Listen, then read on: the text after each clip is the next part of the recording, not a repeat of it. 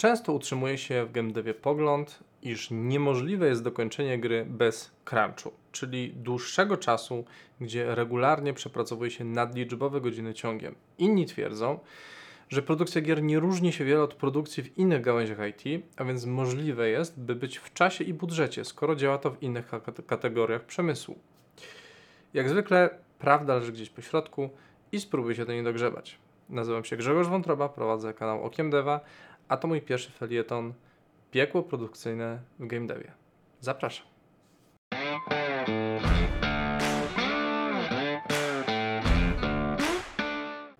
Na początku pragnę zaznaczyć, że doświadczenia, które Wy mogliście mieć, mogą być zupełnie inne od moich. Ja przepracowałem w branży prawie 12 lat. Teraz jest to moja dziewiąta firma, wliczając moją własną. E, pracowałem przy kilkudziesięciu projektach i każdy z nich był trochę inny, ale pewne schematy się powielały. Dodatkowo słyszałem historie od y, innych ludzi z branży, które potrafiły czasami zjeżyć włos na głowie. Także ten felieton jest takim amalgamatem tego wszystkiego. Nie musicie się z nim zgadzać. Bardzo chętnie wysłucham Waszych historii, czy w mediach społecznościowych, czy w komentarzach pod filmem, czy też może się umówimy na jakiś podcast i omówimy to razem. Każdym razie przedstawię to wszystko ze swojej perspektywy. Macie prawo się nie zgadzać, macie prawo do swoich doświadczeń, które mogą być inne. A więc, zazwyczaj przekroczenie piekiełka produkcyjnego na to składa się więcej niż jeden czynnik. Tutaj pogrupuję je troszeczkę, e, żeby było je łatwiej sobie poorganizować. No i pierwszym takim E, pierwszym takim czynnikiem, który wpływa na to, że lądujemy nagle w tak zwany development hell, które słyszymy często przy bardzo przedłużających się projektach, gdzie nagle producent rzuca krzesłami, gdzie nic się nie udaje, gdzie ludzie odpływają masowo, no to mogą być właśnie niekorzystne umowy. To jest taki pierwszy zarodek jakby tego w ogóle od czego się zaczyna e, problem często z produkcją. I tutaj gdy studio jest w kiepskiej sytuacji, podpisuje umowę z inwestorami bądź wydawcami, może czasami nie mieć e, odpowiedniej siły negocjacyjnej czy przebicia, żeby wywalczyć sobie dobre warunki, więc zgadza się po prostu na to, co może, żeby uratować firmę, bo jest w kiepskiej sytuacji finansowej, a może po prostu bardzo chce zrealizować ten projekt, żeby się wybić, mimo że wie, że to będzie kosztowało e, już dodatkowe godziny, bądź też liczy na to, że w trakcie produkcji Mm, nazbiera sobie dodatkowych ta talentów z rynku, gdzie w dzisiejszych czasach jest to praktycznie niemożliwe i bardzo ciężko zatrudniać nowych ludzi, którzy z miejsca wskoczą w projekt. Więc mm, ten brak rozeznania może się objawiać tym, że y, właśnie deweloper podpisuje umowę z firmą, która często może ingerować za bardzo w produkowaną grę, tym samym rujnując cały proces tworzenia i plan produkcyjny, a jednocześnie nie dając odpowiednio więcej budżetu i czasu na to, żeby wprowadzać odpowiednio te zmiany. Rzadko kiedy osoba reprezentująca firmę w przypadku podpisywania umów z wydawcą tudzież inwestorem, jeżeli zdaje sobie sprawę jedna i druga strona, że firma jest w kiepskiej sytuacji, no to tutaj ciężko jakby negocjować i też ciężko um, robić pewne ustalenia tak, żeby to było z korzyścią dla dewelopera. Um, jeżeli jednak firma wychodzi z mocniejszej pozycji, no to tutaj jest w stanie odpowiednio w trakcie ingerencji właśnie inwestora czy, czy wydawcy renegocjować warunki umowy, dochodzić swoich praw, odpowiednio sprawnie reagować na pewne rzeczy. Więc tutaj pierwszy taki podstawowy właśnie problem to są źle dogadywane umowy, bądź umowy podpisywane w złym momencie y, istnienia firmy. Innym częstym czynnikiem, zwłaszcza tym wpływającym na kiepską jakość produktu, to jest powiązanie z innym medium. Jeżeli są gry tworzone na licencji, można się dać zapędzić w kozi róg, zwłaszcza jeżeli premiera gry ma być powiązana z premierą filmu, serialu, książki itd. Tak Często jest to taki y, nieprzekraczalny, nieprzekraczalny termin, który sprawia, że właśnie gry są niskiej jakości, bo brakuje czasu, trzeba nagle ścinać e, funkcjonalności albo wręcz wycinać fragmenty gry kompletnie po to tylko, żeby zdążyć na określony termin. E, innym problemem jest też to, że adaptacje innych mediów czasami po prostu nie nadają się jako materiał na grę. Tudzież możemy nie znać, nie rozumieć dobrze materiału źródłowego i, i źle to oddać w produkcie, a tym samym nagle nie wiemy do końca co robić, nie wiemy jak to zrobić, mamy określone ramy czasowe i musimy nagle wejść w ten taki mentalny kocioł, który sprawia, że nie jesteśmy w stanie y, odpowiednio szybko ruszyć z miejsca z produkcją. I to też powoduje ostatecznie nadgodzinę, nieszczęście, stres i kwaśne sytuacje w firmie. Następnie, no, jeżeli już wystartowaliśmy nawet dobrze, możemy mieć problem z zarządzaniem czasem i pieniędzmi.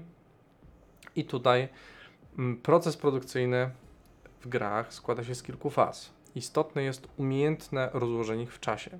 Mamy fazę preprodukcji, gdzie designerzy opracowują systemy, programiści je prototypują i weryfikują z testerami, czy mają sens.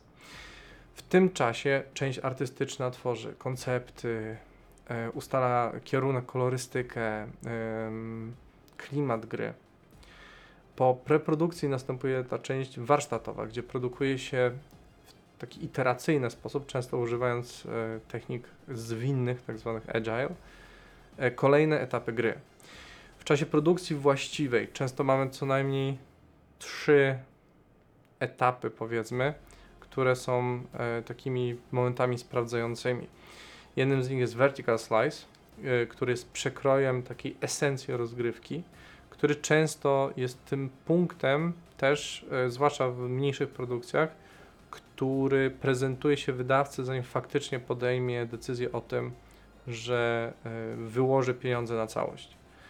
Następnie alfa, która zawiera już wszystkie mechaniki gry i narzędzia oraz beta, która zawiera w sobie wszystkie asety i pozostaje już tylko etap najpierw szlifowania gry do stanu gold, który jest to stanem nienaruszalnym i tylko otwartym na poprawki i od golda do tak zwanego release'u, czyli do wydania gry szlifuje się już tylko same błędy, nie rusza się niczego więcej.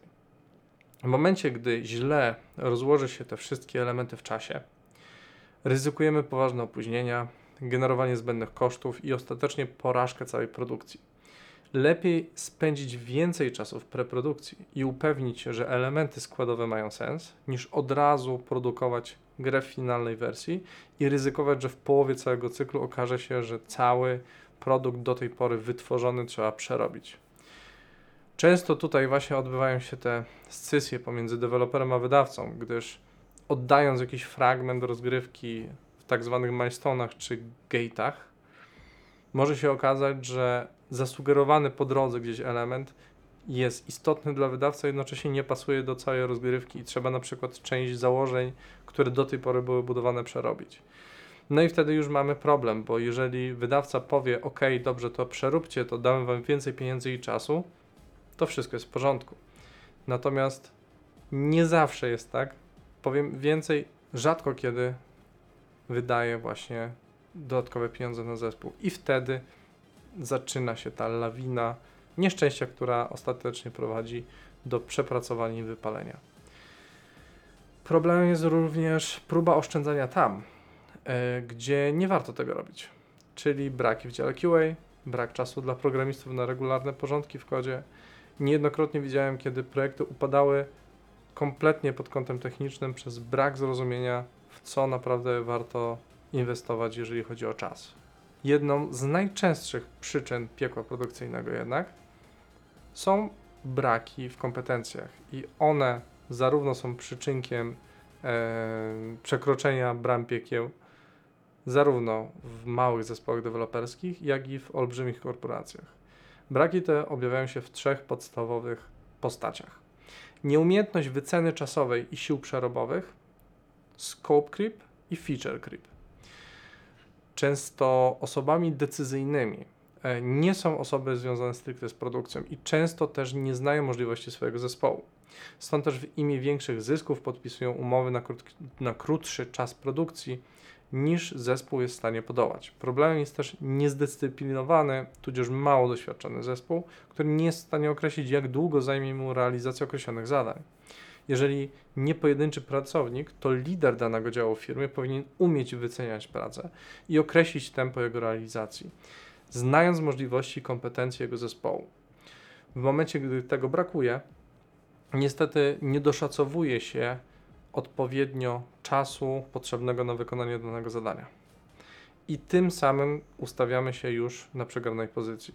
Od zespołu będzie wymagany znacznie większy nakład pracy, z pewnością objawiający się nadgodzinami lub ich ciągiem przez dni i tygodnie, czyli właśnie crunchem. Scope creep to zjawisko określające ciągłe zmiany w zakresie rozmiaru projektu, zazwyczaj zmierzające w stronę tak obszerną, obszerną że nie da się go ostatecznie zrealizować. Może się to objawiać zbyt śmiałymi początkowymi założeniami, które są nie do utrzymania. Wynika to też często z braku wizji co do istoty produktu, gatunku gry, grupy docelowej i odpowiedniego sformalizowania, czyli w zasadzie brakuje po prostu dobrze napisanego GDDK, czyli Game Design Document. Bardzo często młode zespoły nie są w stanie dokończyć projektów z tego powodu, gdyż mierzą zbyt szeroko i zbyt wysoko. Już takim branżowym żartem jest często ogłaszanie przez młode studio, iż będą realizować ambitne MMORPG i szukają ludzi do zespołu. No to już jest taki powszechny po prostu śmiech w branży, jeżeli ktoś się tak ogłasza. Już coraz mniej takich osób wychodzi z taką inicjatywą, ale wciąż się zdarzają. Dla niezorientowanych, e, żeby zrobić MMO, trzeba setek osób. Więc deweloperzy, którzy zrealizowali chociaż jeden pełny cykl produkcyjny z tak ambitnych planów, zazwyczaj się śmieją i patrzą na nie z politowaniem. Najprostsze gry mobilne często potrzebują 5-6 osób. Tak zwane kiblowe gierki, a co dopiero e, gry trójwymiarowe z otwartym światem, czy właśnie MMO. Feature creep z kolei to jest ciągłe dodawanie nowych pomysłów do gry, przez co zaburza się kompletnie proces produkcyjny. Oczywiście sytuacja, gdzie raz stworzony game design document nie ulega zmianie, w naturze raczej nie występuje. Wszak tworzenie gier to jest proces iteracyjny i często wraca się z pojedynczymi elementami do deski kreślarskiej. I okej, okay, to jest wszystko w porządku. Po to właśnie jest faza preprodukcji, po to są procesy iteracyjne, by dokładnie wybadać, ile co zajmuje i czy to ma sens. Od tego momentu właśnie powinno się w pierwszej kolejności realizować plan minimum, zanim zacznie się e, człowiek rozpędzać z e, pomysłami i dokładać nowe funkcjonalności, których może się nie dać zrealizować. Dlatego często w takim rozsądnym planowaniu uwzględnia się plan minimum, plan nice to have, czyli wszystkie pomysły, które byśmy chcieli zrealizować i znalezienie gdzieś punktu pomiędzy, który usatysfakcjonuje zarówno dewelopera, jak i osoby, która nam płaci za projekt. Kolejnym problemem, który może nas doprowadzić do produkcyjnego piekła, jest brak asertywności w zespole. Domena często to jest wielkich zespołów i spółek, w których pan prezes jest tak daleko od produkcji, jest tak odklejony od rzeczywistości, że albo nie wie, co się dzieje u niego w firmie, albo go to nie obchodzi. Zdarza się to również w zespołach, gdy mamy charyzmatycznego szefa, który dominuje nad resztą zespołu i nikt nie jest mu w stanie się przeciwstawić. W pierwszym przypadku między właściwą produkcją a prezesem jest często zastęp liderów i menedżerów, którzy, by pan prezes był zadowolony, przytakują mu na każdym kroku i zapewniają, że wszystko będzie na czas, wszystko będzie w budżecie i tak dalej, i tak dalej. Nawet gdy ten wymyśla rzeczy niestworzone, nieosiągalne e, w danym czasie i w danych pieniądzach. Funkcjonowanie zespołu w takim układzie jest absolutnie nie do utrzymania, gdyż prędzej czy później będzie to generowało masę nadgodzin, by realizować ułańską fantazję nieuświadomionego szefa kompletnie w tym, co się dzieje w niego w projekcie i w firmie. Z kolei, gdy mamy szefa, który nie zna słowa niemożliwe, a nikt nie ośmieli mu się przeciwstawić, mamy efekt podobny, ale często na dokładkę dostajemy despotyczny model prowadzenia firmy, w którym crunch i stopniowe wypalenie zawodowe to codzienność. To również układ, w którym no, nie jest w stanie się działać na dłuższą metę. Czasami może pod naciskiem nie wiem, da się pracować kilka dni, kilka tygodni, ale nie cały proces produkcyjny. Oba modele często odbijają się na jakości produkowanych gier oraz destabilizują zespół, często doprowadzając do jego rozbicia. Stąd też zauważmy, ile osób na przykład odpływa albo blisko końca, albo po e, określonym czasie. Oba modele często odbijają się na jakości produkowanych gier oraz destabilizują zespół, często doprowadzając do jego rozbicia. Są one idealnym gruntem pod toksyczne zachowania, takiego mobbing, wzajemne wyżywanie się na sobie. Stąd właśnie nie wiem, słyszeliśmy historię o Quantic Dream, gdzie David Cage e, raz, że stosował niestosowne praktyki względem swoich podwładnych, ale też wprowadzał taką e, toksyczną atmosferę. E, w studiu Rona Howarda przy produkcji e, Fallouta często mówiono o nim, że prowadzi tak zwany development jak mewa, czyli przylatuje nad e, jeden z projektów, za przeproszeniem srana wszystko, że jest do bani i później wraca do swojego aktualnie upatrzonego. Takich przykładów mnoży się wiele i patrząc na to, jakiej jakości powstają często te produkty, ciężko wierzyć, że to jest dobry model prowadzenia zespołu i firmy. Jak temu wszystkiemu zapobiegać? Wyeliminowanie wszystkich czynników, które mogą wykoleić produkcję, jest raczej niemożliwe. Jednak jest kilka działań, które pozwolą przynajmniej zabezpieczyć się tam, gdzie to możliwe. Na pewno warto mierzyć siły na zamiary. To jest chyba najlepszy środek zaradczy, czyli zdrowy rozsądek. Im zdrowiej podejdziemy do tego, co chcemy zrealizować, nie wybiegamy za bardzo z dziwnymi pomysłami i znamy możliwości swojego zespołu, z pewnością unikniemy dużej części wpadek w trakcie produkcji. Jeżeli tworzycie w małym zespole coś pierwszy raz, nie robiliście wcześniej niczego razem, wszyscy, to może zacznijcie, zanim macie, zanim ruszycie do swojego wymarzonego projektu, jakiś mały, jakiś klon, jakąś bardzo prostą gierkę, żeby przejść przez cały pipeline produkcyjny i dogadać się, dotrzeć jako zespół najpierw, a dopiero potem realizować jakąś wspólną, wymarzoną wizję. Dzięki temu w projekcie, który najbardziej Wam zależy, e, problemy komunikacyjne e, nie będą po prostu obecne, więc będziecie mogli się skupić na tworzeniu gry, a nie na eksperymentowaniu z narzędziami bądź komunikacją. Starajcie się cały czas oceniać moce przerobowe swojego zespołu. Mając pięciu programistów w zespole, prędzej zrobicie rogalika niż MMO. I nie ma też co liczyć na magiczne zdobywanie e, kolejnych pracowników w trakcie developmentu, gdyż game dev jest tak chłonną branżą, że wolnych rąk do pracy praktycznie nie ma. Najczęściej w działach programistyczno-technicznych, ale tak samo, nie wiem, znalezienie dobrego specjalisty od efektów specjalnych czy, anima e, czy animacji jest e, rzeczą niemalże niemożliwą. Więc w pierwszej kolejności należy liczyć możliwości zespołu na stan aktualny i liczyć, że się nie zwolni, to tak swoją drogą. Warto ćwiczyć właściwą estymację czasu lub prosić o analizę z zewnątrz. Jedną z podstawowych umiejętności niezwiązanych z merytoryką pracy, a istotną dla każdego dewelopera, jest umiejętność wyceny swojej pracy, nie tylko finansowej, tylko też czasowej. Um, ile zajmie nam zrealizowanie danego zadania? Często problemy bądź zakresy problemów, y, które musimy realizować w trakcie produkcji, są podobne, więc na podstawie tych relacji i na podstawie tego, jakie my mamy y, własne możliwości, mm, możemy powoli z czasem, wraz z doświadczeniem, wyestymować, ile nam dana realizacja może zająć. Stąd też e, trzeba zdroworozsądkowo podchodzić do tego, gdy deklarujemy, ile czasu może nam zająć realizacja danego zadania. W momencie, gdy da się zauważyć w tym zakresie braki w ramach e, zespołu, warto poprosić o pomoc producenta, może wybrać się na jakiś kurs, bo to jest na pewno dobra inwestycja, czy nawet po prostu poprosić o analityka z zewnątrz. Im wcześniej dokona się chociażby wstępnej analizy, tym łatwiej będzie ustalić odpowiednie terminy oddania, oddania projektu czy poszczególnych etapów. Kolejną rzeczą jest odpowiedni dobór liderów i dbanie o hierarchię w firmie. Jest taki cytat, który często powtarzam jak mantrę. W Navy SEALs dowódcą nie musi być najlepszy strzelec.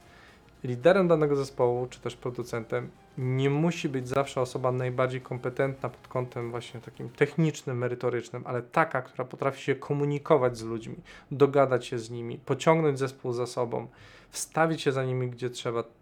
Osoba, która buduje największe zaufanie. Pokrzykujący na wszystkich despota, który sieje ferment i toksyczną atmosferę w firmie, to zdecydowanie nie jest osoba, która powinna dokonywać decyzji organizacyjno-personalnych, nawet jeżeli jest najlepszą merytorycznie osobą w zespole. Ponadto często szkoda właśnie takich rzeźników przeznaczać do organizacji ludzi, marnować ich czas na rozmowy, których i tak nie chcą robić. Lepiej ich po prostu dać na e, stanowisko właśnie seniora, tak zwanego principala, gdzie E, skupia się stricte na swojej pracy, bądź też wspiera wiedzowo zespół, a nie musi borykać się z komunikacją. Osoba o umiejętnościach miękkich, o odpowiednim ich poziomie, która daje przestrzeń na otwartą komunikację oraz budzi u nich zaufanie, daje ten solidny fundament pod budowanie zespołu, bo no, rzadko kiedy zdarza się, że teraz grę się produkuje absolutnie samemu.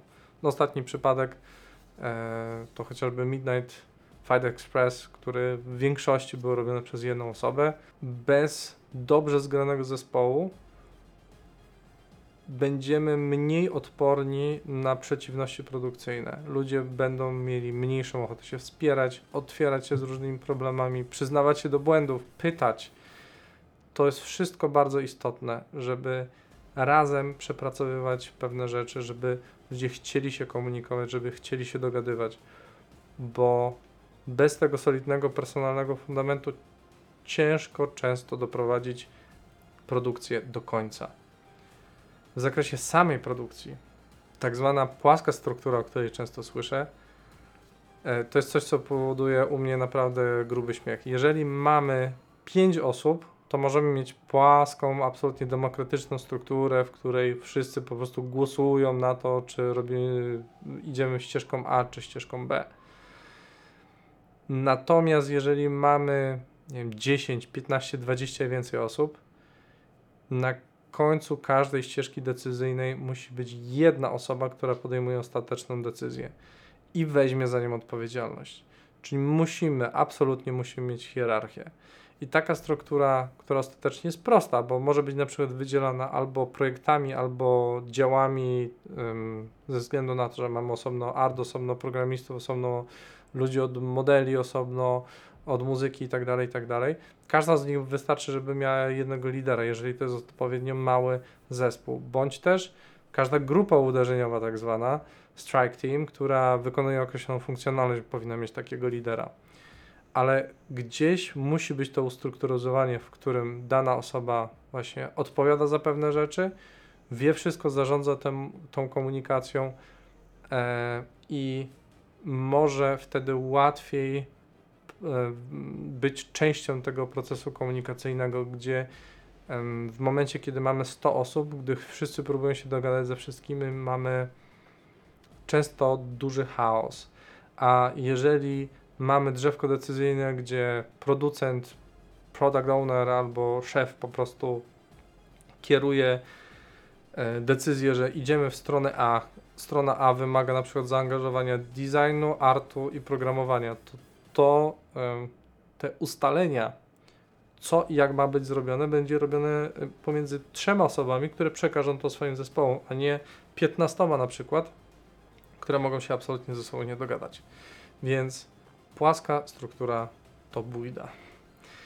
Przejechałem teraz już chyba wszystkie takie podstawowe przyczyny tego, jak możemy się znaleźć właśnie w piekle produkcyjnym. To nie są oczywiście wszystkie, ale kombinacja powyższych yy, zdecydowanie najczęściej staje się tym punktem zapalnym.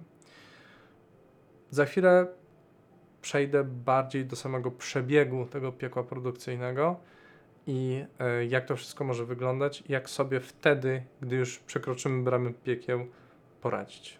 Piekło produkcyjne, tudzież crunch i te wszystkie inne zjawiska, które się e, przy tym pojawiają, to jest ten etap, którego osoby spoza branży nie znają, tylko o tym czytają bądź słyszą.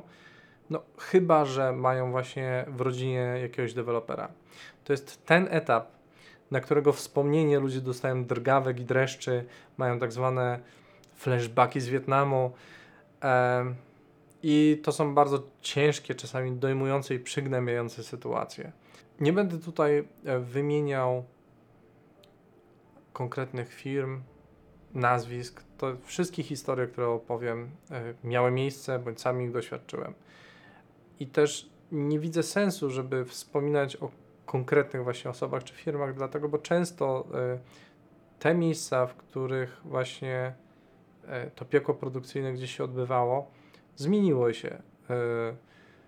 Nie tylko ludzie uczą się z czasem, ale i też firmy, że game dev to jest branża od ludzi dla ludzi, od pasjonatów dla pasjonatów i nie dbając o ludzi, rzadko kiedy osiąga się sukces, a jeżeli osiąga się to bardzo wysokim kosztem, który potem procentuje w czasie tym, że odchodzą ludzie e, albo z samej firmy, albo z branży, bo są wypaleni.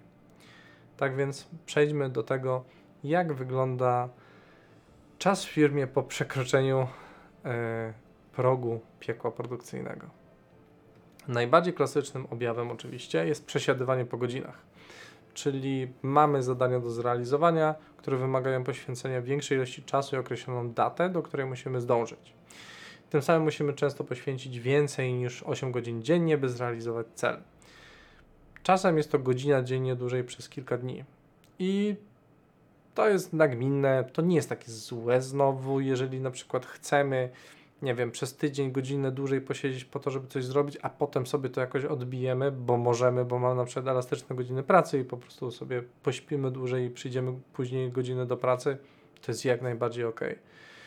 Zwłaszcza e, często w całej branży kreatywnej jest coś takiego, że ma się pewien flow danego dnia, taki, czuje się taki przypływ mocy i po prostu chce się ten, tą dodatkową energię, ten pozytywny e, napływ sił wykorzystać odpowiednio, bo nie wiadomo, co przyniesie jutro, więc wtedy te ekstra godziny, które później można sobie odbić, to jest absolutnie, absolutnie ok. Gorzej, jeżeli te kilka godzin zamieni się w kilkanaście i nie jest to tydzień, a przykładowo miesiąc lub dwa. Umysł ludzki ma określoną pojemność skupienia, wzrok ma swoją wytrzymałość, a przesiadywanie połowy doby w pracy sprawi, że nawet wytrzymałe jednostki po przedłużonym okresie nie będą w stanie z dnia na dzień regenerować się na tyle, by kolejnego ranka być w pełni funkcjonalnym.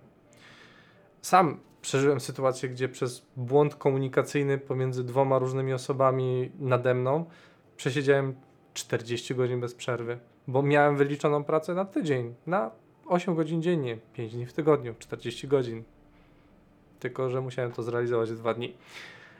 Udało się wykonać zadanie, ale było to okupione skrajnym wyczerpaniem, żołądkiem steranym 13 kubkami kawy i problemem, przez, problemem z zasypianiem przez kolejne dwa dni. Także to naprawdę nie jest nic przyjemnego.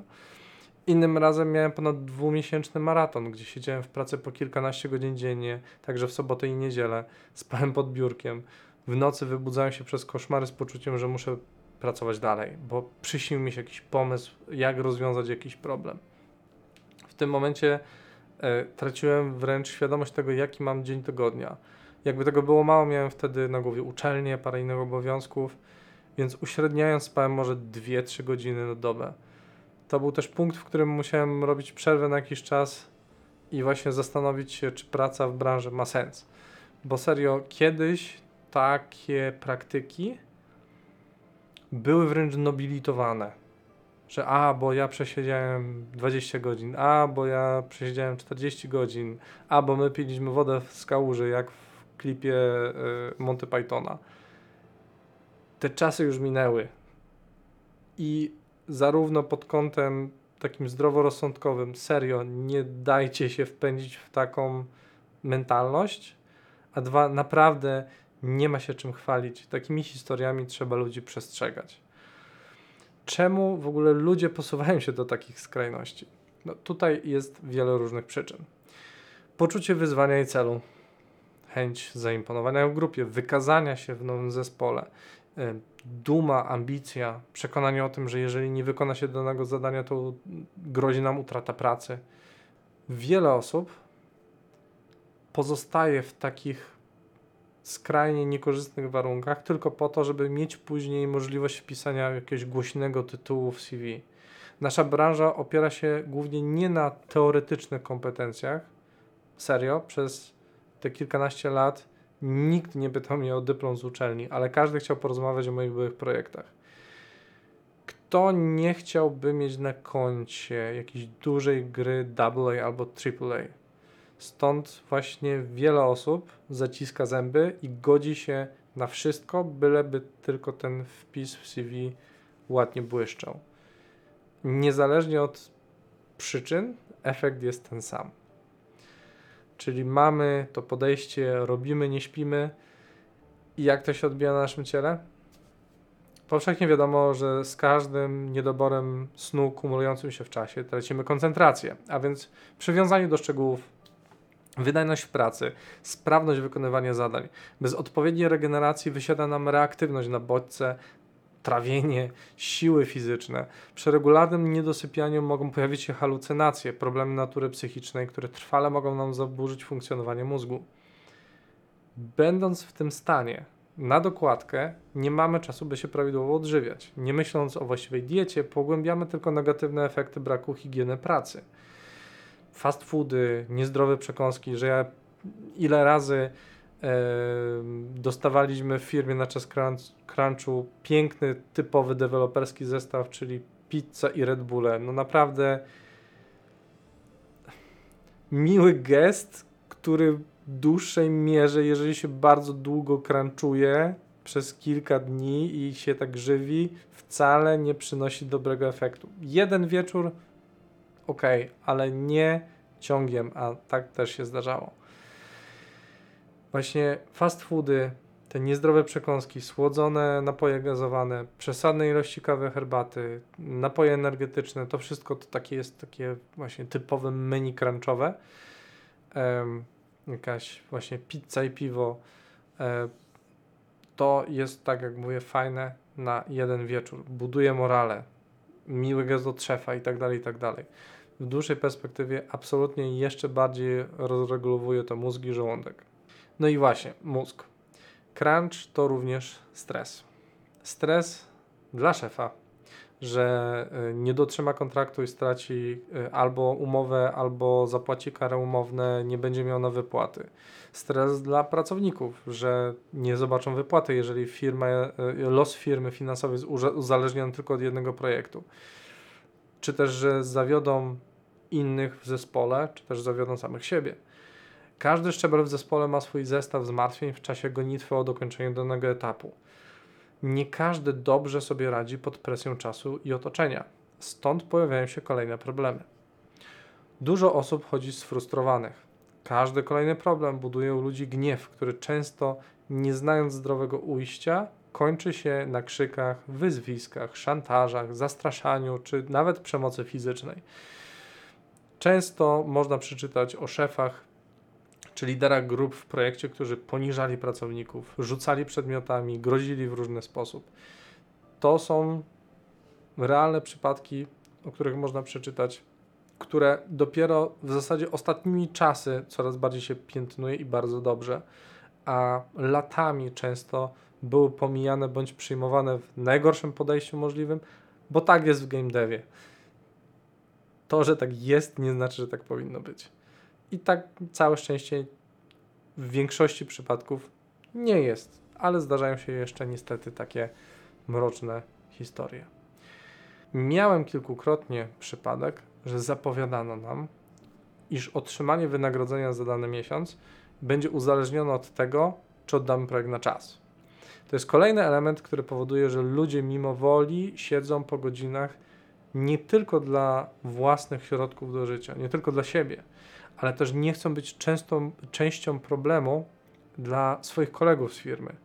Jeszcze gorszym przypadkiem, którego sam doświadczyłem, gdy było wysoce prawdopodobne, iż nie zdążymy na czas, była wypowiedź ta, taka szefostwa. Gdybyście się wyrobili, dostalibyście premię, a tak nie będziecie mieli nic.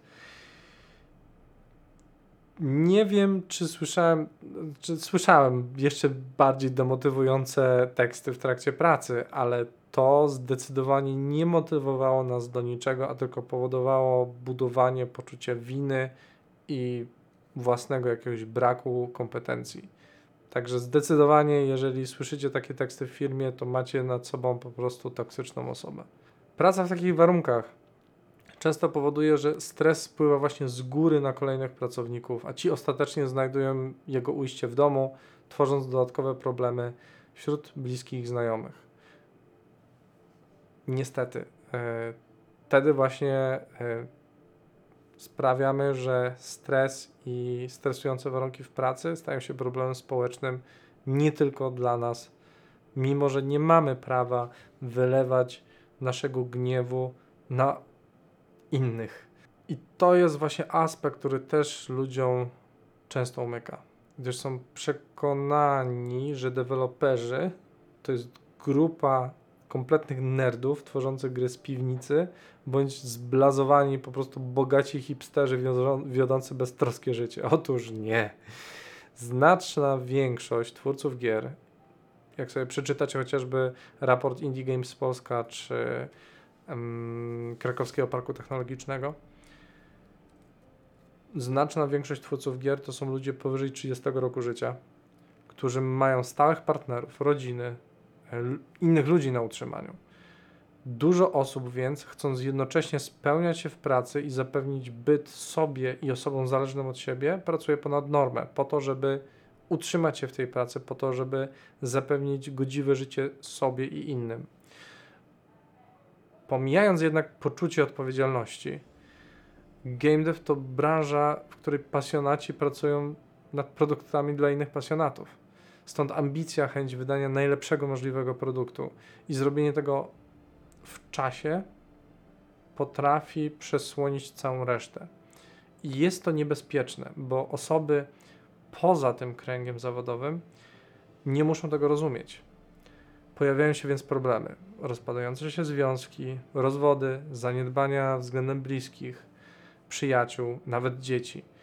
E, były swego czasu głośne listy tak zwanych żon rockstar, e, gdzie dosłownie grupa kobiet pisała otwarte listy w sieciach społecznościowych do prezesów Rockstara, czyli twórców Grand Theft Auto, o to, żeby wprowadzili zdrowsze warunki pracy, gdyż ich mężowie nie widzieli swoich dzieci dniami. Więc skala problemu jest ogólnoświatowa i to jest niezależnie od tego, czy to są małe czy duże zespoły. Sam w pewnym momencie musiałem też zmierzyć się z tym, e, żeby przyznać, iż crunch, w którym pracowałem przez kilka tygodni, jest stanem nieutrzymywalnym. Mając na głowie uczelnię, chcąc pomagać rodzinie, yy, zaniedbywałem kontakty ze znajomymi. Gdyby nie to, że moja ówczesna yy, dziewczyna postawiła mi ultimatum, albo robota, albo ja, i jak się nie ogarniesz, to po prostu zostawiam cię. A znajomi, gdyby mi nie tukli do łba, że stary, trochę przeginasz i praca to nie wszystko, być może nie ocząsnąłbym się z tego owczego pędu i byłoby za późno. Więc osobom, które wtedy mi naprostowały trochę myślenie, naprawdę bardzo dziękuję. Nasza branża zna jednak bardziej dramatyczne historie które faktycznie się kończyły rozwodami, depresją, załamaniem nerwowym i wieloma innymi ludzkimi nieszczęściami. I nie zawsze to jest spowodowane właśnie własną wewnętrzną ambicją, czy tym, że nie potrafimy sobie radzić ze stresem. Czasami to jest takie, taka systemowa, systemowa e, kombinacja tego, że ktoś czegoś od nas z zewnątrz wymaga, my mamy poczucie odpowiedzialności, a jeszcze dodatkowo jesteśmy w takiej, powiedzmy, sytuacji społecznej, że no nie możemy sobie y, pozwolić na zadbanie o stricte swój dobrostan. I w tym momencie, no niestety, ale godzimy się na pewne warunki, które doprowadzają nas do skraju wyczerpania. Można więc zadać sobie takie pytanie, to po co to wszystko robicie? O celach osobistych wspominają o odpowiedzialności za bliskich tak samo. Natomiast jest jeszcze kwestia zespołu, kwestia grupy. Nie wszyscy, co prawda, ale jest wiele osób w branży, i ja się też do nich zaliczam, e, którzy długi czas nie mogli zagrzeć miejsca. Byli w swoich grupach, w których wyrastali, niezrozumiani, wytykani palcem, nielubiani. E, patrzyli bardziej na e, gry analitycznym okiem, czy w ogóle na całą kulturę. E, nie traktowali gier tylko jako formę zabicia czasu e, i bardziej podchodząc analitycznie do pewnych rzeczy, czy zastanawiając się nad niektórymi rzeczami bardziej, często ciężko znaleźć wspólny język z otoczeniem. Więc tak jak mówiłem, branża y, game devowa to jest branża pasjonatów i tym samym przynależność do grupy, w której łatwo znaleźć język, mając to swoje stado, w którym chce się przebywać, być zauważonym, powoduje, że nie chcemy nikogo zawieść. I tym samym sami w sobie hodujemy przymus, by dać siebie jak najwięcej. Więc nawet jeżeli ktoś formalnie e, lub bezpośrednio od nas tego nie wymaga, my sami powodujemy u siebie to wymaganie.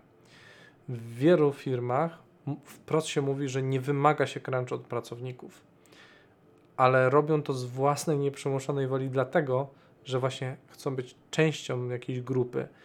I gdy reszta ciężko pracuje, mają poczucie winy, że oni tego nie robią. Więc nawet jeżeli w zespole dana osoba mogłaby nie przesiadywać godzinami nad jakimiś funkcjonalnościami, ale widzi, że cała reszta zespołu zachrzania gdzieś tam w tle, to w poczuciu takiej stadnej mentalności też, ale też tego, że po prostu chce być częścią tego procesu i nie chce nikogo zawieść, to często też się godzi na pewne niekorzystne warunki.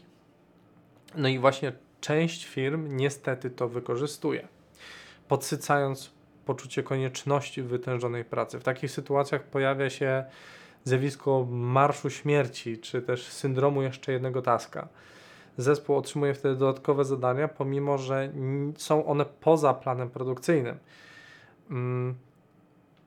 Wchodzimy wtedy etap, cytując znajomego, jakby po maratonie kazali ci przebiegnąć jeszcze pół kilometra sprintem. W takich przypadkach ludzie godzą się na takie działania, bo nie mają siły protestować. Gdy już im jest wszystko jedno, są tak wyczerpani, że chcą mieć i te zadania z głowy i koniec. Jest to bardzo niebezpieczna praktyka, która przypomina kopanie leżącego i tym bardziej doprowadza do wycieńczenia zespołu. Często w czasie crunchu szefostwo lub osoby decyzyjne przyjmują dwie postawy. Albo nie obchodzi ich los pracowników, a wyłącznie osiągnięcie celu, więc e, wszelkimi dostępnymi środkami do niego dążą, albo przechodzą w tryb paniki, podejmując absurdalne, niekorzystne bądź niekorzystne w danej chwili e, decyzje, które wydają się ratować sytuację na ten moment, jednak w dłuższej perspektywie wyrządzają jeszcze większą szkodę. Jednym z popularnych przykładów e, jest zatrudnianie pomocy z zewnątrz za późno generalnie co-development, czyli zatrudnianie freelancerów y, złą praktyką nie jest. Jest częste i wręcz skazane. To też ma swoje pozytywy w innym aspekcie, ale może o tym innym razem. Natomiast wszystko ma swój czas i miejsce. Każdy deweloper, który niezależnie od tego, czy tworzy grafikę, dźwięki, animacje czy kod, wchodząc w środku projektu, potrzebuje chwili czasu na adaptację zatrudniana odpowiednio wcześniej osoba może być wartościowym wsparciem. Zwłaszcza w okresie, gdy mamy większość elementów opisanych i opracowanych, a brakuje nam po prostu rąk do pracy. Osoba zatrudniona z zewnątrz, gdy mamy dwa tygodnie do końca terminu, gdyż mm, niestety, niestety, często może nie ze swojej winy przynieść więcej szkody niż pożytku. Po pierwsze dni spędzi na adaptacji do projektu i wpasowuje się w standard, jaki jest wykorzystywany. Mm, przez to musi nabrać odpowiednie nawyki, musi więcej pytać i zajmować czas innym y, ludziom. Więc y, tym samym spowalnia możliwości produkcyjne zespołu. I bez właściwego planowania często łatwo jest przeoczyć ten moment, gdzie zatrudnienie wolnych strzelców ma sens. Traci wtedy się czas na poprawianie po takich pracownikach, uczenie ich, wsparcie w adaptacji itd., tak itd. Tak A dodatkowo jeszcze marnuje się pieniądze, gdyż zazwyczaj tacy specjaliści z zewnątrz y, kosztują więcej, bo liczą sobie dodatkowy czas za właśnie tą pracę z doskoku. Stąd też tracimy podwójnie. Problematycznym jest również pewien brak konsekwencji w działaniu kierownictwa, które zbyt szybko próbuje dokonywać zmian w planie produkcyjnym, nie zważając na to, że każda zmiana, będąc w crunchowym trybie, może być opłakana w skutkach. Ludziom pogłębia się wtedy poczucie, że ich praca nie ma sensu. Mm, Im więcej emocji, tym bardziej przywiązują się do czegoś, co robią, więc tym bardziej, jeżeli potem się coś wywala do kosza, albo się przerabia, bądź stawia się na głowie, tym bardziej traci się to poczucie sprawczości w zespole i w projekcie i czuje się coraz większe poczucie bezsensu i traci się ochotę do pracy albo w zespole, albo w firmie, albo przy tym projekcie. To w każdym razie można ciągłymi takimi praktykami sprawić, e, że ludzie nam po prostu odejdą. Więc jak sobie radzić w takim piekle produkcyjnym? Skoro nie udało nam się zabezpieczyć przed tym crunchem wcześniej, e, przewiew nie do zniesienia i jednocześnie masz poczucie, że musisz dokończyć swoją pracę, chociaż nie masz na to siły i ochoty, nie możesz po prostu wyjść, bo jesteś zmęczony, a ekipa nadal siedzi i chcesz być częścią drużyny. Jak więc w takim trybie pracować i nie zwariować? Cóż, tutaj zostaje nam tak zwane zarządzanie kryzysowe, czy też tworzenie planów awaryjnych i crunch, chociaż nieunikniony, powinien zmierzać do jasno postawionego, niezmiennego celu.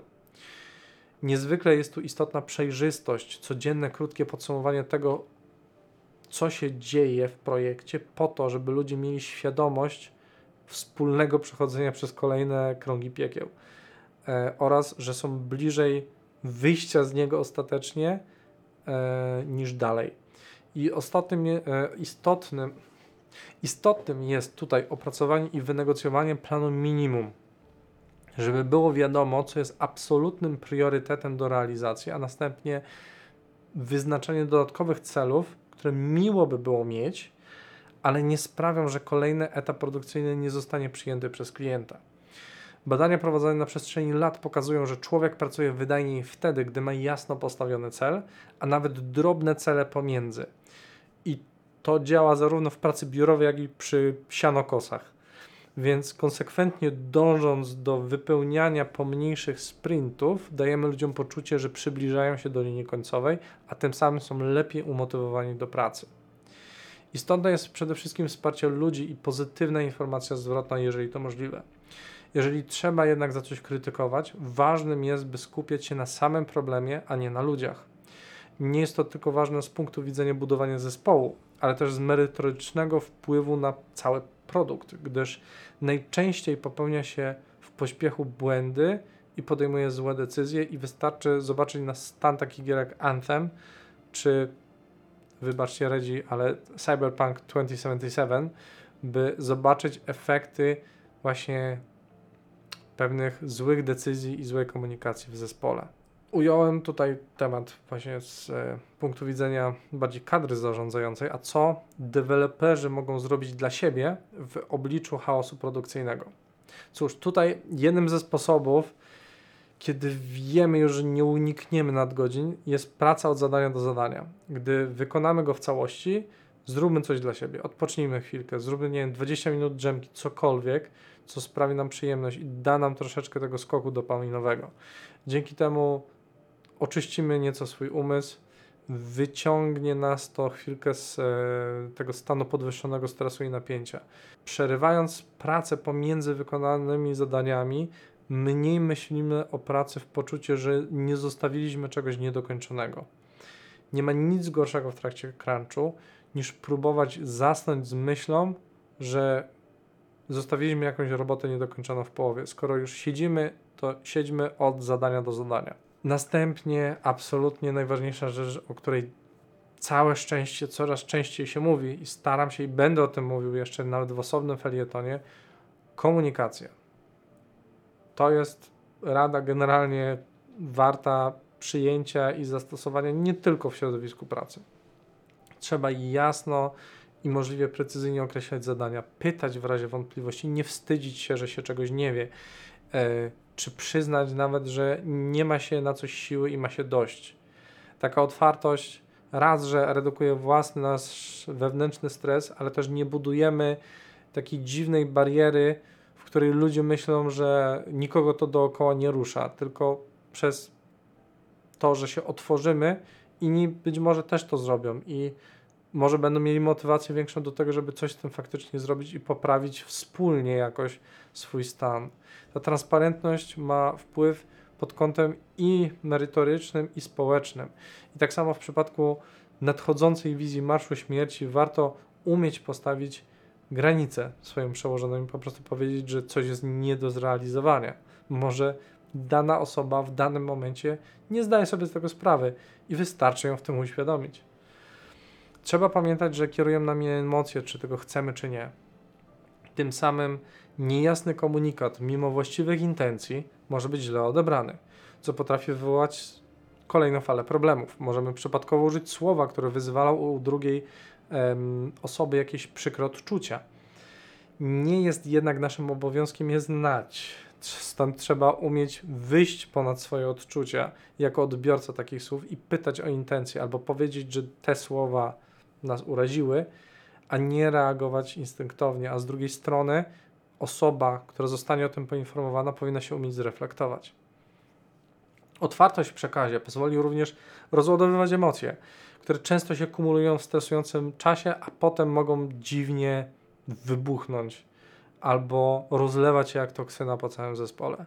Lepiej w miarę możliwości jakiekolwiek problemy rozwiązywać tu i teraz. Jak już wcześniej zaznaczałem, e, pracownik wycieńczony to pracownik mniej wydajny.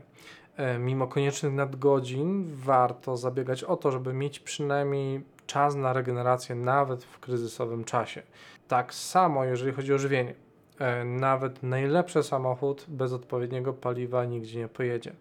Zadbanie o odpowiednie żywienie pracowników, gdy wszyscy poświęcają więcej czasu niż zobowiązuje prawo, nie dość, że będzie miło przez nich widziane, ale też jest inwestycją w odpowiedni poziom skupienia, więc może jakaś dieta pudełkowa, może jakiś catering, cokolwiek, w momencie, kiedy cały zespół zapierdziela i wiadomo, że z tego będą wiadomo jakie pieniądze, no to powiedzmy parę dni zapewnienia pracownikom jakiegoś y, żywienia, skoro i tak siedzą w firmie i robią, no to nie są to aż tak duże koszty, zwłaszcza w przypadku dużych firm z kapitałem. Oczywiście jedzenie to nie wszystko, tak? Y, pozytywna informacja zwrotna, dbanie o ten dobrostan psychiczny, możliwość relaksu pomiędzy zadaniami, nieco luźniejsza atmosfera w firmie może budować morale mimo kryzysowych sytuacji. Wygaszanie lub przynajmniej nie eskalowanie nerwowej atmosfery to jest absolutne minimum, na jakie powinno być stać szefa i liderów zespołów.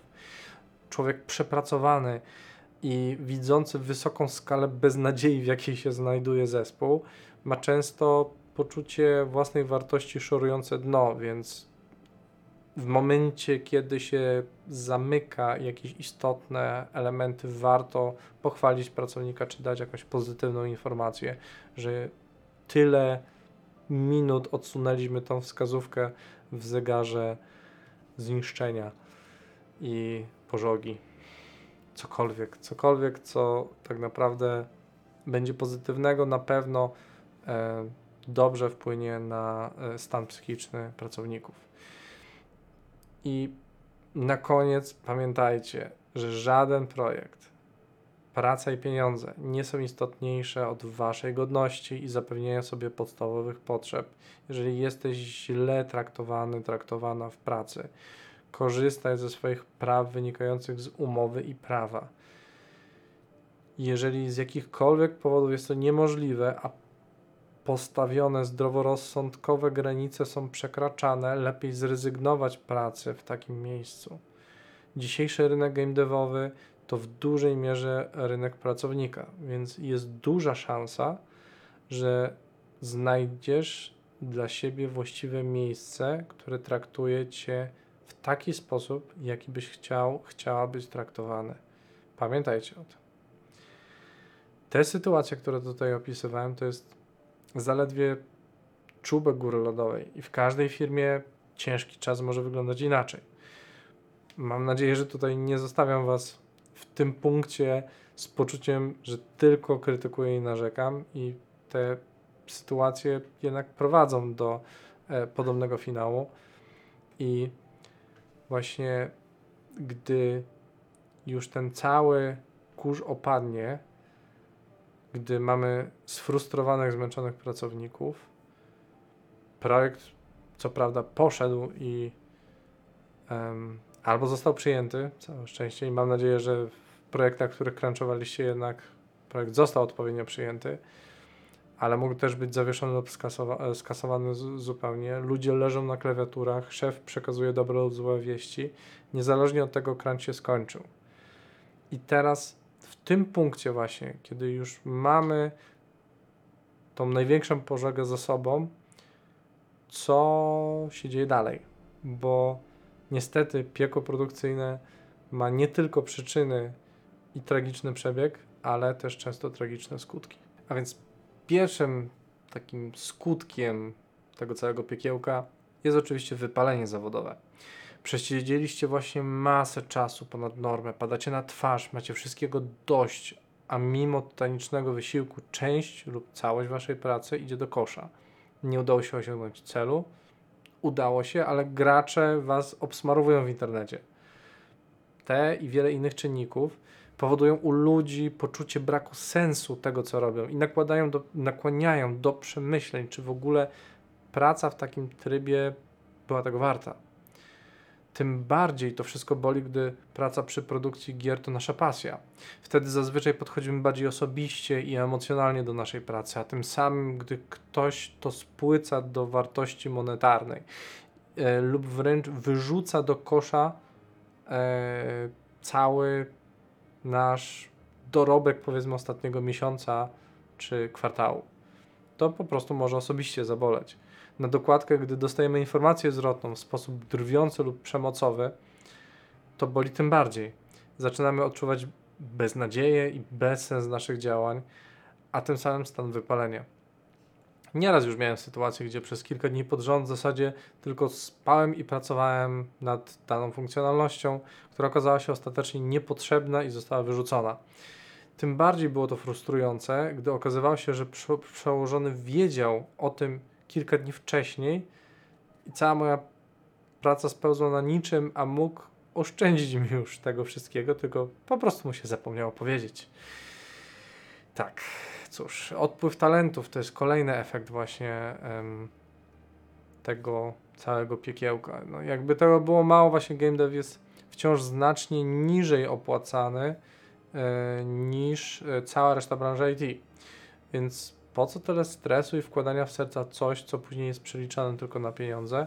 Nie lepiej rzucić to wszystko i odsiadywać powiedzmy 8 godzin w korporacji, chociaż szczerze powiedziawszy pracowałem też w korpo, to nie jest nigdy tak do końca, że się siedzi tylko 8 godzin i tyle. Wciąż różnica zarobkowa jest nadal znaczna. Nie jest to jednak takie proste. Tak jak już wspomniałem, branża y, game to jest branża od pasjonatów dla pasjonatów, w której często bardzo osobiście podchodzimy do naszej pracy i tym samym, gdy czujemy się wykorzystani, wycieńczeni po crunchu, mamy dość naszej pracy, firmy czy całej branży. Wciąż ostatecznie nie wyobrażamy sobie często działania w innej branży, więc decydujemy się często na szukanie nowego miejsca w nadziei, że piekło produkcyjne tam się nie powtórzy. Często też słyszymy o nowych studiach założonych przez weteranów z firmy X. Działo się tak już kilkukrotnie w przypadku takich firm jak CD Projekt Red, Techland, Activision Blizzard, Ubisoft. Większym problemem i stratą dla całego game devu jest kompletny odpływ osób do innych gałęzi branży IT. Czasem nie jest to kwestia pieniędzy, a bardziej potrzeby bycia traktowanym uczciwie i po ludzku, co z większym prawdopodobieństwem jest w stanie zapewnić bardziej uregulowana branża bankowości czy tworzenia stron internetowych. Kolejnym efektem i takim pokłosiem jakby piekła produkcyjnego są oczywiście animozje negatywnie procentujące na przyszłość i pracując z toksycznymi osobami, czy też despotycznym zarządzaniem w stresujących momentach, często się nam kumulują pewne krzywdy, żale względem innych. Wiele osób źle radzi sobie ze stresem, wyżywając się na podwładnych i współpracownikach. I praca w takich warunkach nie daje nadziei na wyprodukowanie gry na odpowiednim poziomie i skutkuje to tym, że negatywne wydarzenie może do, zadecydować właśnie o odejściu pracownika z firmy. Czy w ogóle rezygnacji z pracy w branży i tworzą się przez to żale, które potaguje się w czasie, psując często, właśnie psując często relacje na całe życie. I później jeszcze siejemy niestety ten ferment jakoś pomiędzy firmami, że nie wiem, przekazujemy jakąś złą opinię, złe słowo e, i tym samym psujemy przez być może jakąś pomyłkę bądź niedogadanie karierę innej osobie, bo takie rzeczy też się zdarzały. Kilkukrotnie zdarzyło się mi być świadkiem celowego wzajemnego podkopywania sobie kariery właśnie, blokowania czy też negatywnego oceniania danej osoby, by nie została zatrudniona lub nie podpisano z nią kontraktu biznesowego. Jest to bardzo szkodliwe zjawisko, które hamuje rozwój całego game devu i wyłącznie z personalnych powodów, które prawdopodobnie można by było rozwiązać szczerą rozmową i odpowiednią komunikacją. Jak już opisywałem też w poprzednich yy, zdaniach, są też straty fizyczne, psychiczne i społeczne. Crunch jest wycieńczający. Dodatkowo ma negatywny wpływ na otoczenie. Przez przedłużone piekło produkcyjne mamy niewyspany, nieprawidłowo odżywiony, wykańczony organizm. Cała ta negatywna, toksyczna atmosfera może podłamać naszego ducha, wpłynąć negatywnie na nasz do, dobrostan psychiczny i odbijać się to później w relacjach międzyludzkich, także w relacjach z bliskimi w domu. E, I były już niejedne historie e, ludzi, którzy wylądowali w szpitalu bądź później leczyli się długimi tygodniami u psychologa czy terapeuty, by dojść do siebie po crunchu. Jeżeli nie fizycznie właśnie, to, to psychicznie warto zadbać w takich momentach o pomoc um, u specjalisty na przykład. Niskie poczucie własnej wartości, utrata poczucia celu i sprawczości potrafi wpędzić człowieka w depresje i inne schorzenia psychiczne. Jakby tego było mało, przez crunch wiele związków e, potrafiło się rozpaść, więc to też ma kolejne negatywne skutki po sobie. I żadne pieniądze nie zreperują zrujnowanego zdrowia, ani nie odbudują y, zniszczonych relacji. Żaden sukces nie jest wart takich strat. Burzliwy proces produkcyjny i ciągłe przemęczenie twórców wpływa również negatywnie na jakość produktu. Niedokończone funkcjonalności, masa błędów, e, niespełnione obietnice względem materiałów marketingowych dają finalnie grę, z której nikt nie jest zadowolony. Ani deweloperzy, ani gracze, ani właściciele. Gra niskiej jakości po prostu słabo się sprzeda. Nawet początkowy sukces sprzedażowy Cyberpunka wszak sama przedsprzedaż gry sprawiła, że y, twórcy odbili sobie wszystkie koszty produkcji. No, niestety nie utrzymała się ta sprzedaż w dłuższym ogonie, gdyż ludzie przekonali się o tragicznym stanie gry na początku, który dopiero teraz jest reperowany. I ostatecznym efektem tak zawiedzionych oczekiwań nie tylko była sama nienawiść ze strony graczy, e, czy review bombing, hejtowanie e, i tak dalej, ale wręcz twórcy dostawali pogróżki.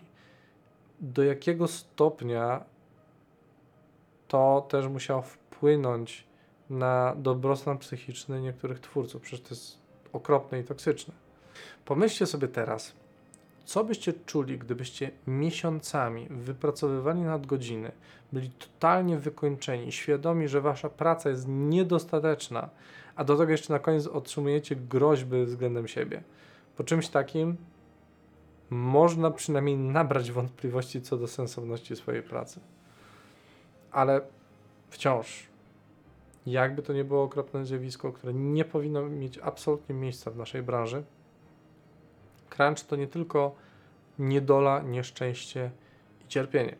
Wspólna walka może budować mocne więzi w zespole, jeżeli jest odpowiednio mitygowana. Wspólny wróg postaci przełożonego, szefa lub wydawcy, może jednoczyć, dać pole do lepszego zapoznania się mm, zoptymalizowania komunikacji czy też procesów. Kryzysowa sytuacja może być czasem punktem zwrotnym w firmie, gdyż niesynchronizowana grupa indywidualistów ostatecznie znajduje wspólny język i staje się prawdziwym zespołem. Tak mogą się tworzyć również relacje na lata. Sam kilkukrotnie pracowałem w zespołach, w których największą wartością ostatecznie była to prawdziwa przyjaźń czy relacja, która utrzymuje się do dzisiaj. Jak to wszystko minimalizować? Żeby nie pokazywać tylko palcem i nie narzekać. Um, miałbym parę sugestii w sumie, które pozwoliłyby minimalizować szkody po przejściu takiego piekła produkcyjnego. Może wydają się oczywiste, ale doświadczenie mnie nauczyło, że poczucie oczywistości jest takie dość osobiste i czasami niektóre oczywiste rzeczy trzeba powtarzać kilka razy. Tak więc, co można zrobić po crunch? Na pewno tak zwane retro czy retrospektywa i postmortem. Po każdym milestone'ie, etapie produkcyjnym, crunchu, dobrą praktyką jest spotkanie podsumowujące, co się działo i co nie zadziałało prawidłowo. Pozwala to zebrać wszystkie trudne zagadnienia, przeanalizować, co zrobić, by nie doszło do piekła produkcyjnego ponownie. Warto jest wtedy skupiać się na samym problemie, a nie na pokazywaniu palcem na winowajców. Następnie uczyć się na własnych błędach, stojąc w twarz przed zestawem problemów, istotnym jest stopniowe i konsekwentne ich naprawianie. Chęć zauważenia i zareagowania oraz wyjście poza własne ego, zwłaszcza gdy jesteśmy na stanowisku kierowniczym lub jesteśmy szefem, właścicielem firmy. Gdy nie podejmie się kroków naprawczych i dopuścimy do sytuacji, gdzie znowu ludzie będą przechodzili przez marsz śmierci, zaprotestują i odejdą, a zakładanie, że dowolnego dewelopera można zastąpić odpowiednią liczbą studentów, cytat jednego z moich byłych pracodawców, jest najgorszym możliwym podejściem, które absolutnie do niczego nie prowadzi. Istotnym elementem jest też zadośćuczynienie, zaleczenie ran po e, ciężkim crunchu. Jakoś należy docenić pracowników, dać czas na odpoczynek, wybranie zaległych nadgodzin, wypłatę premii, zapłatę za ponadprogramową pracę, bo ponoć to nie jest dalej praktyką, co dla mnie jest w ogóle nie do pomyślenia. Ludzie muszą poczuć, że ich praca nie poszła na marne, została zauważona i jest istotna dla firmy. Bez tego czeka nas rozgoryczenie, frustracja, eksodus pracowników. A to jest skazywanie się na porażkę na własne życzenie. Mimo iż starałem się w tym całym materiale zahaczyć możliwie dużo aspektów związanych ze złymi praktykami produkcyjnymi. Ciężko jest absolutnie opisać wszystko i każdy w branży, którego ten problem dotknął, ma swoje własne przeżycia i przemyślenia w tej sprawie. Nie będą wspominać ten czas w towarzystwie dreszczy i haseł nigdy więcej i nie będą wspominać te momenty w karierze z uśmiechem i zdaniem pokroju było ciężko, ale było warto. Niezależnie od tego macie prawo do swoich własnych przemyśleń i odczuć w tym zakresie. Tutaj po prostu opisywałem rzeczy, których ja doświadczyłem, bądź o których ja słyszałem. Ale jeżeli jesteś z branży, bądź nie jesteś, ale chcesz o tym porozmawiać, zapraszam do dyskusji, do komentarzy, do lajkowania, udostępniania, do rozmowy, e, może na podcaście, chociaż, być może chociaż w e, samych mediach społecznościowych. Napiszcie może swoje własne historie. Jestem otwarty na wszelkie propozycje w tej sprawie. Jeżeli podoba się Wam to, co tutaj robię i ten materiał. Zachęcam do subskrybowania kanału, obserwowania, gdyż tych felietonów będzie na pewno więcej pośród wiadomości i innych materiałów, które tutaj zamieszczam. Zapraszam również na moją stronę okiemdeva.pl, gdzie znajdziecie linki do artykułów, do newslettera, do podcastu. Ten film również będzie w wersji stricte do odsłuchania na praktycznie wszystkich większych serwisach podcastowych. Tak więc Zapraszam do odwiedzania mnie i do spojrzenia na gry okiem Deva.